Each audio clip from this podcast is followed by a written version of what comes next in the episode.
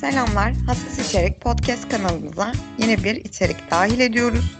Ee, bu içerikte kitap tanıtımlarımız olacak. Bugün e, Floransa Büyücüsü'nden bahsedeceğiz. Salman Rushdie'nin. Öncelikle Floransa Büyücüsü'nden bahsetmeden önce e, büyülü gerçeklik nedir? Birazcık tanımak maksatlı e, bir tez yazısından yazısından alıntı okuyacağım. E, bu yazıda e, şöyle bir şey söylüyor. Herhangi biri gökyüzünde uçuşan filler ve kelebekler var derse ona kimse inanmayabilir. Ama bir gazeteci 425 fil ve 1200 kelebek gökyüzünde beraber dans ediyor derse ve bu gazeteci Gabriel Garcia Marquez ise ona insanlar inanır. Marquez bunu tıpkı babaannesi gibi çok ciddi bir şekilde hiç renk vermeden söylerse buna inanmayan kalmaz. Kendisi inandırıcılığı olan herkes yazabilir e, der ve işin gerçeği en ilginç ve olmadık hikayeleri insanlara anlatıp inandırır demiştir.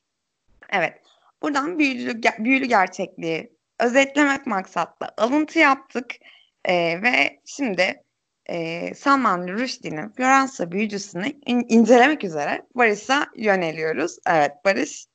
E, merhaba Kübra. E, ilk olarak şöyle söyleyeyim. Tabii kitap gerçekten çok özel bir kitap. E, her yönüyle.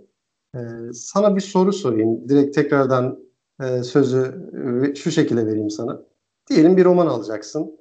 E, ya da bir romanı eline aldın. Bu kitapta, bu romanda İlk dikkatini çeken üç şey. E, neye göre incelersin romanı? Onun nitelikli bir eser olup olmadığını neye göre karar verirsin? Üç maddede söyle desem ne dersin? Elbette ki öncelikle konusu, yazarı ve varsa yani eğer ya hani çeviri ise eser e, dediğim gibi çevirmeni ve yayın evi kesinlikle benim için önemlidir. Dört oldu ama. Çok doğru. Daha böyle e, birkaç tane daha sayabiliriz. Ama şundan eminim ki bu sayacaklarımız arasında kaynakça en sonlarda geliyor. Evet bir romanı e, ele aldığımızda e, ne deriz işte bakarız yazarına bakarız çevirmenine bakarız dediğin gibi konularına bakarız başlıklarına bakarız belki alt başlıklarına e, ama kaynakçasına pek fazla bakmayız. Onu daha çok e, inceleme kitaplarında e, göz önünde bulundururuz. Yalnız bugün ele aldığımız kitabın e, diğer romanlardan ayıran en önemli yanı geniş bir araştırma sonunda yazılmış olması. Kitabın sonunda tam 6 sayfalık bir kaynakça var. Ve bu 6 sayfalık kaynakçanın da sonuna yazar bir not düşmüş Salman Rushdie. Demiş ki e, kitabın içindeki bilgilerin tamamı yukarıda verilmemiş olabilir. Belli başlı bilgileri kaynakçaya eklemeyi gözden kaçırmış olabilirim diye de bir not düşmüş. Yani en az 6 sayfalık bir kaynakça. Peki bu bize neyi söylüyor? Ne yandan bir değer katıyor kitaba? Kitap tarihi olayları ele alıyor ve bu 6 sayfalık kaynakça da tarih araştırmalarını içeriyor. Peki e, hangi tarihsel olaylar var kitabın konu içeriğinde? E, baktığımız zaman kitapta e, tarih karakterlerden Ekber Şah'la karşılaşıyoruz. Ondan sonra Yavuz Sultan Selim'le karşılaşıyoruz. Şah İsmail'le karşılaşıyoruz. Niccolo Machiavelli, Lorenzo Medici, Americo Vespucci, e, Botticelli, daha bir sürü e, ve bu saydığım kişilerin e, yaşadığı mekanlarda olan olaylarla karşılaşıyoruz. Peki bu bir e, roman dolayısıyla kurgusal. E, bu tarihi olayları içerisine nasıl yedirmiş dersek muazzam bir biçimde, muazzam bir kurguyla bunu başarmış. Hem de gerçek ve hayali e, iç içe vererek bunu başarmış. Bu sebepten dolayı da kitap benim için çok özeldi. Senin de e, Kübra e, fantastik, e, daha böyle büyülü kitapları, filmleri sevdiğini biliyorum. Muhtemelen senin için de e, bu kitabı özel kılan şey bu yanı olması gerek olmalı diye düşünüyorum. Sen ne dersin? Kesinlikle öyleydi. Çok doğru bir tespit. Ee, benim için de keza aynı söylediğin şeyler fazlasıyla geçerli.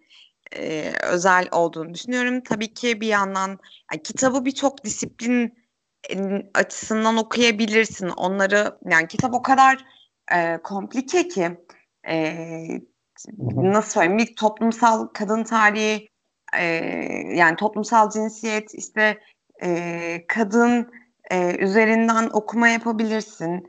E, işte söylediğin gibi sanat ondan sonra e, resim sanatı keza e, müzik vesaire gibi birçok disiplini disiplini temel alarak çeşitli çeşitlendirerek, varyasyonlandırarak okumasını yapabilirsin. E, o noktada çok güçlü, çok e, güçlü, kesinlikle güçlü bir eser. E, ve benim için bu bağlamda da çok özel açıkçası. Ancak tabii evet. ki biz bugün bunların hiçbirini tamamen ele alamayız, inceleyemeyiz. Tabii biz tanıtım amaçlı yaptık. Evet, tanıtım, tanıtım amaçlı, amaçlı yapıyoruz. Daha böyle e, yüzeysel konuşacağız kitabı ama öncelikle şunu da ben hani kendi bireysel olarak söyleyeyim. E, okuduğum kitaplar arasında, romanlar arasında e, en böyle akılda kalan, e, parmakla göstereceğim yani kütüphanede farklı bir yerde duracak kitaplardan bir tanesi. Çok doğru, çok doğru. Kesinlikle öyle olduğunu düşünüyorum ben de ve benim için de benzer olarak özel. Ee, şimdi biz bunu yapalım derken o yüzden e, Barış'la beraber üç tane yan karakter seçtik aslında. Kitabı biraz tanıtalım, tanıtma amaçlı. Bu üç yan karakterle biz aslında ana karakterlere ulaşacağız. E, ve onların da bir çeşit çözümlemesine, olay örgüsüne girmeden ve sizleri de meraklandırarak yapma gayretine gireceğiz. Evet. Bu üç yan karakter ve üç olay e, bizim için temel başlangıç noktası burada. Bunların böyle bir sıralamasını açıkçası şöyle bir hatırda kalması için söylersek e, birincisi Dansart diye bir Dansart. Evet, ben, Dazvant. Ben bir yıl oldu okuyalı çünkü bu kitabı. Ben bir buçuk ay oldu. Daha Evet. O yüzden e, evet Dazvant e, ibadet çadırı Ekber Şah'ın kurduğu ibadet çadırındaki e, yine o atışmalardan bahsedeceğiz ve son olarak Bellek Sarayı. Ee, şimdi biraz bunları böyle Barış'a anlatmasını rica ediyorum. Şimdi e, bunları anlatmadan önce e, bir şey ekleyeyim hemen. E, fantastik bir eser olduğunu söyledik. E, e, bu yönünü unutmadan e, okuyuculara e, tanıtalım kitabı. E, hatta bununla ilgili e, bir çok kısa bölüm 398'in sayfasında şöyle bir söz geçiyor. Doğaüstü bir olay anlatılıyor. Bu arada kitabın içerisinde çokça mit var, e, efsane var.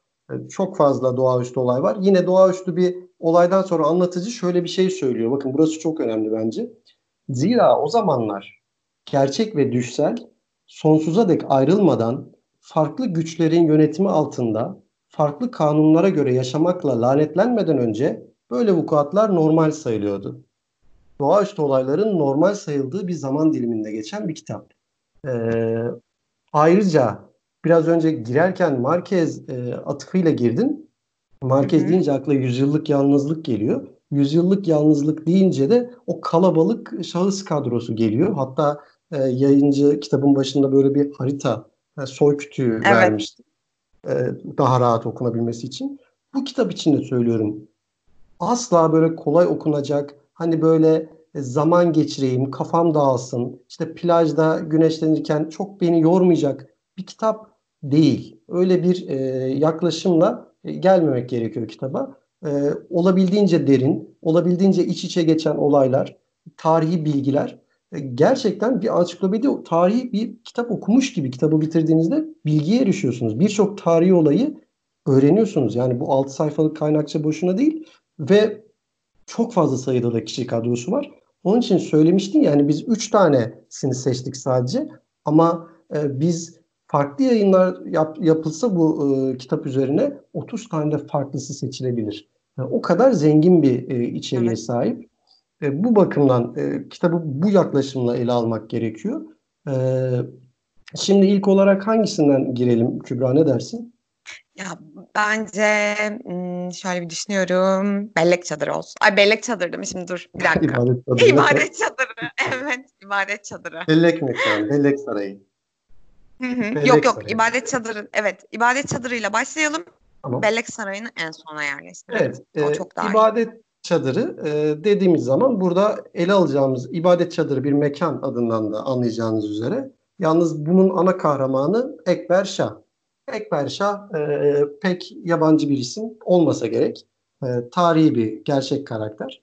E, tarihsel bilgilere baktığınızda da internetten çok hafif, e, çok böyle zahmetsiz bir araştırma yapsanız Ekber Şah'ın e, tarihte diğer tarihi kahramanlardan şahsına münhasır bir farklılığı olduğunu görebilirsiniz.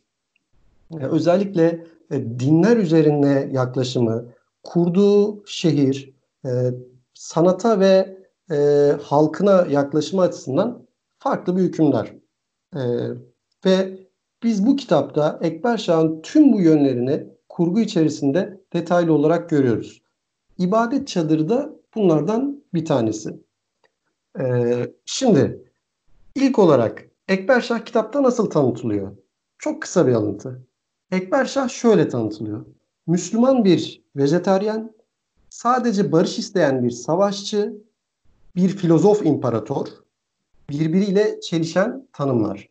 Ee, yani kendi içerisinde zıtlıklar barındıran, memleketin bildiği en muazzam hükümdar kendi içerisinde zıtlıklar barındıran bir karakter. Bu e, zıtlıkların bir bütünlüğe ulaştığı özellikle e, uzak doğu felsefelerinde çokça işlenmiş bir konu. E, o dönem politikacılarından ve yöneticilerinden çok farklı olarak ibadet çadırı açıyor. Burada fikirlerin tartışılmasını istiyor. Kitap boyunca görüyoruz ki Ekber Şah en büyük sorunu kendisini dinleyecek, kendisini anlayacak birilerinin olmayışı. Bu ibadet çadırını açarak bir nevi oradan ortaya çıkacak fikirlerin belki kendisiyle bağdaşabileceğini düşünüyor. İbadet çadırı şu şekilde.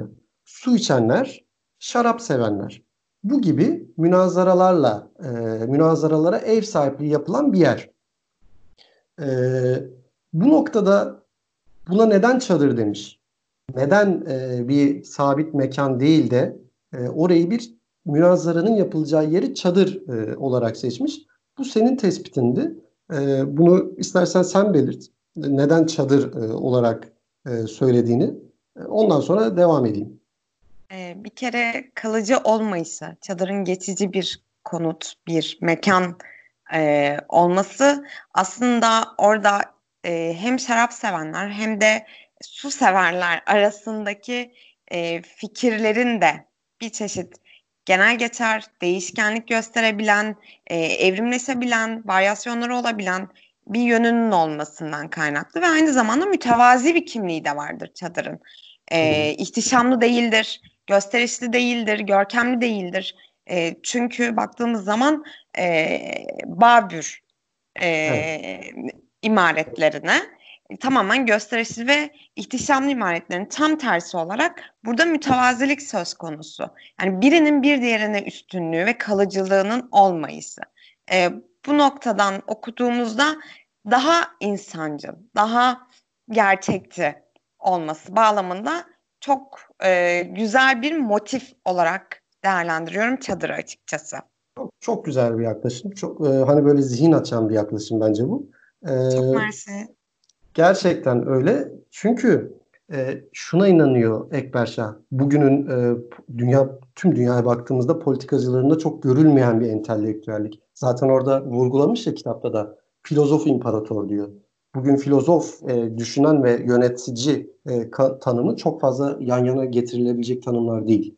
E, burada baktığınızda Ekber Şah bilginin e, mutlaka sonlanması gerektiğini, dönüşmesi gerektiğini düşünen bir imparator olarak verilmiş.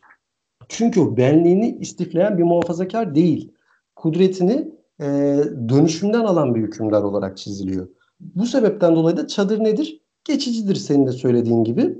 E, bilginin de mutlaka sonlanması ve dönüşmesi gerektiğini savunan birisi doğal olarak geçici bir mekan. Ve bu mekanda hiçbir dini motif ya da herhangi bir simge, ritüel yok. Yani şurası çok önemli.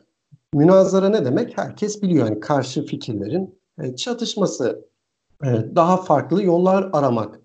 Burada e, düşünceyi etkileyebilecek hiçbir simgeye yer yok. Herkes özgür düşünebilmeli ve işte Ekber'in aradığı o özgün fikirler, o dönüşen fikirler, sonu olmayan fikirler ortaya çıkabilmeli. İbadet çadırı bizi bu yönüyle çok etkilemişti ve Ekber Şah e, kitapta anlatılan hükümdar e, o, onun geçtiği sayfaları gerçekten e, çok akıcı, çok keyifli okumuştum. Daha sonradan internette ekber ve tarihi e, kitaplarda ekber üzerine araştırma yapıldığında kitaptaki verilerin, e, bilgilerin e, tarihle birebir uyuştuğu görülecek ki zaten işte 6 sayfalık kaynakça da tam da bunun içinde. Evet, evet. Şimdi Das Band ve Bellek Sarayı'na da değinelim. Ee, hem de artık zaman ilerliyor. Evet, Barış evet. Das Band'dayız. Ee, Das Band, sen Hı-hı. bir yıl önce okuduğun kitapta e, kitabı e, eline aldığında ilk aklına gelen karakter. E, evet. Bir ressam, bir ressam. Hangi yönüyleydi anlatmak ister misin? Hangi yönüyle bir yıl önce okuduğum kitapta e, yan karakter olmasına rağmen ve sadece 6-7 sayfa geçmesine rağmen neden Das Band? E, Das Vand'ın ilginç bir yönü var. Das Van aslında e, şöyle kendisi muhalif bir e, d- muhalif ve e, ofansif diyeyim bir yönden de e, bir e, minyatür e, sanatçısı e, bir çeşit imparatorluğu e, eleştiren, sorgulayan, onlarla evet. alay eden bir yönü vardı. Ancak Das Van'ın benim hatırımda kalan en güçlü yanı, yanı aşk içerisinde yok olup kendisinin e, kara gözü çizerken bu arada Ekber yani Babür İmparatorluğundaki e, bir kadın Karagöz. Bu Karagöz Floransa büyücüsünün kendisi aslında. Evet kendisi ve çizerken Karagöz'e aşık olup onun e, çizimleri içerisinde bir anda Dasvant'ın dönüşmesi ve yok olması, bir minyatüre dönüşmesi. Yani onun kendi varlığını, e, yok edebiliyor oluşu. Onun o bak karşı taraftaki yani Karagöz'ün varlığına yani bir tesip tesip diyorum minyatüre dönüşebiliyor oluşu. Bu noktada çok özel ve kıymetliydi benim için.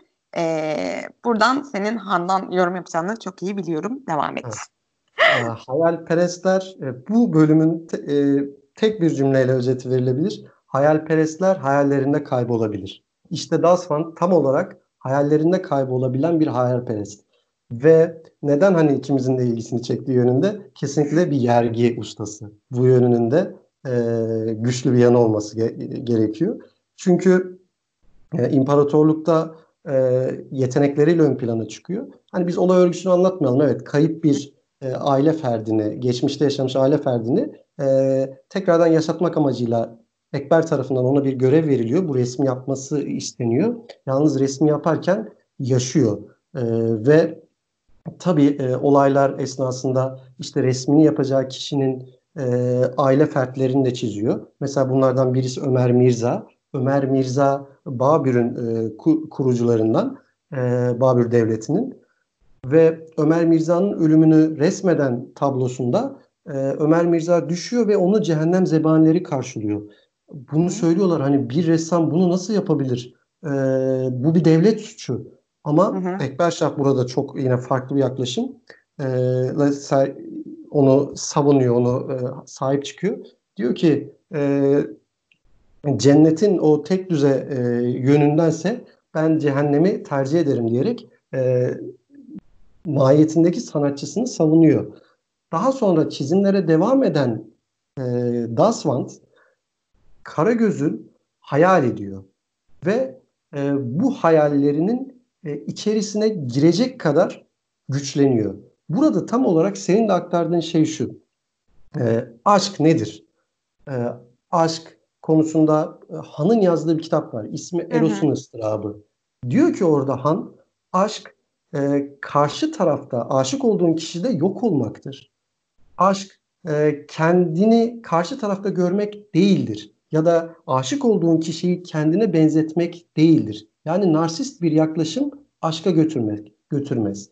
Aşk tam olarak e, aşık olduğun e, unsurda yok olmayı e, gerektirir. İşte Das Sanat bu noktada harika bir örnek. Resmini yaptığı hiç olmayan bir karaktere aşık oluyor ve e, hayallerinin e, içine girip e, o resim yaptığı tablonun sol alt köşesine kendisini saklıyor. Fantastik bir kitap söylemiştik. Gerçekle hayal iç içe.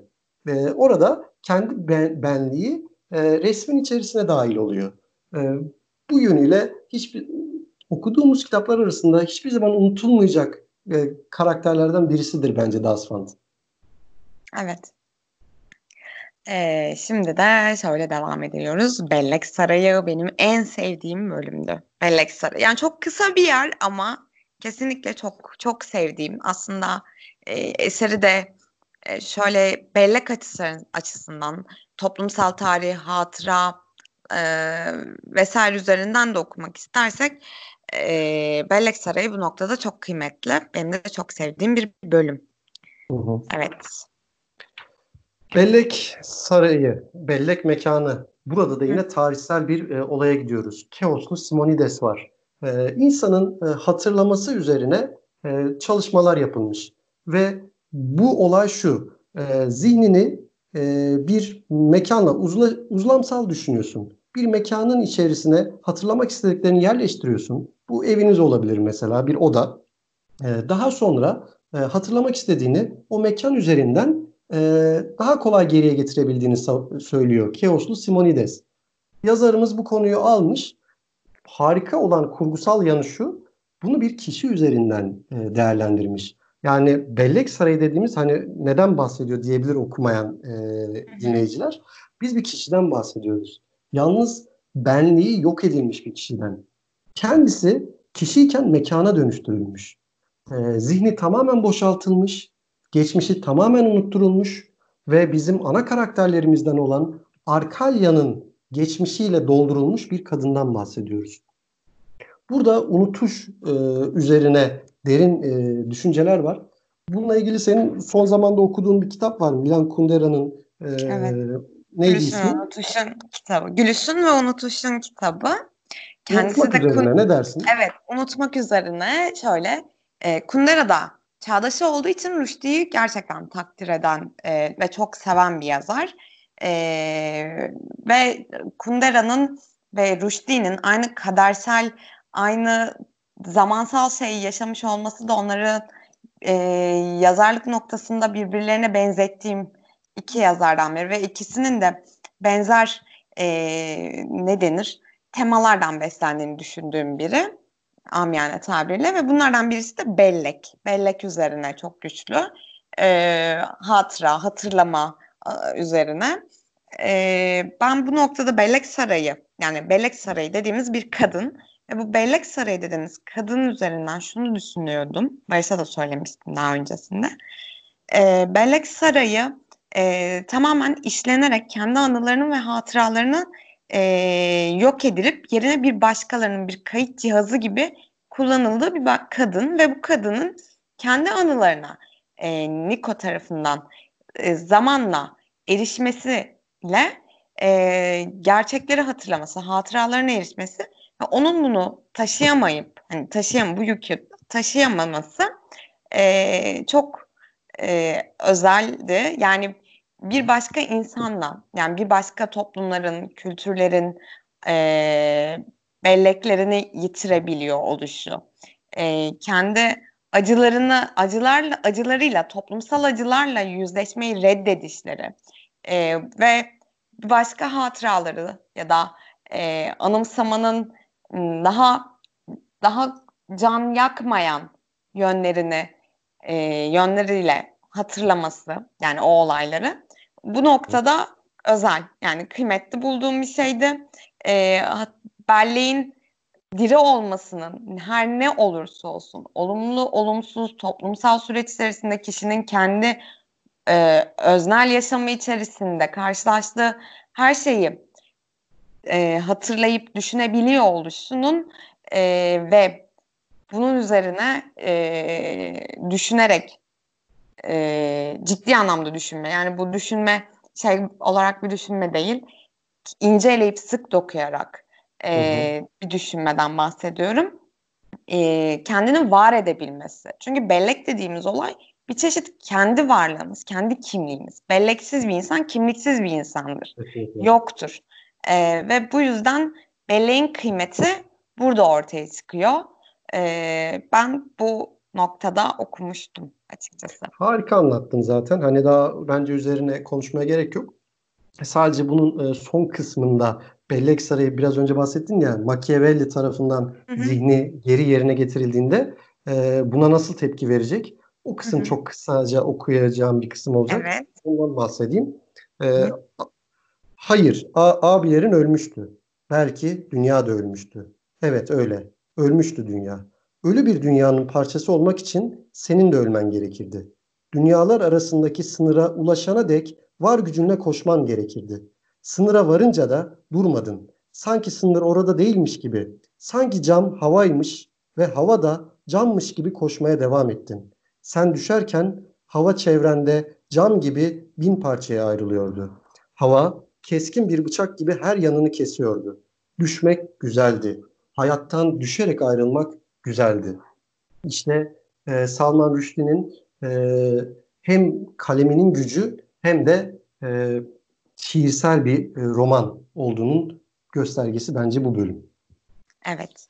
Ee, bizim de hassas içerik kitap tanıtım serimizin e, sonucunda yani önerebileceğimiz eserlerden bir tanesi olarak e, serimizin içerisinde yer aldı. E, çok kıymetli, özel bir eser olduğunda son olarak söylüyoruz.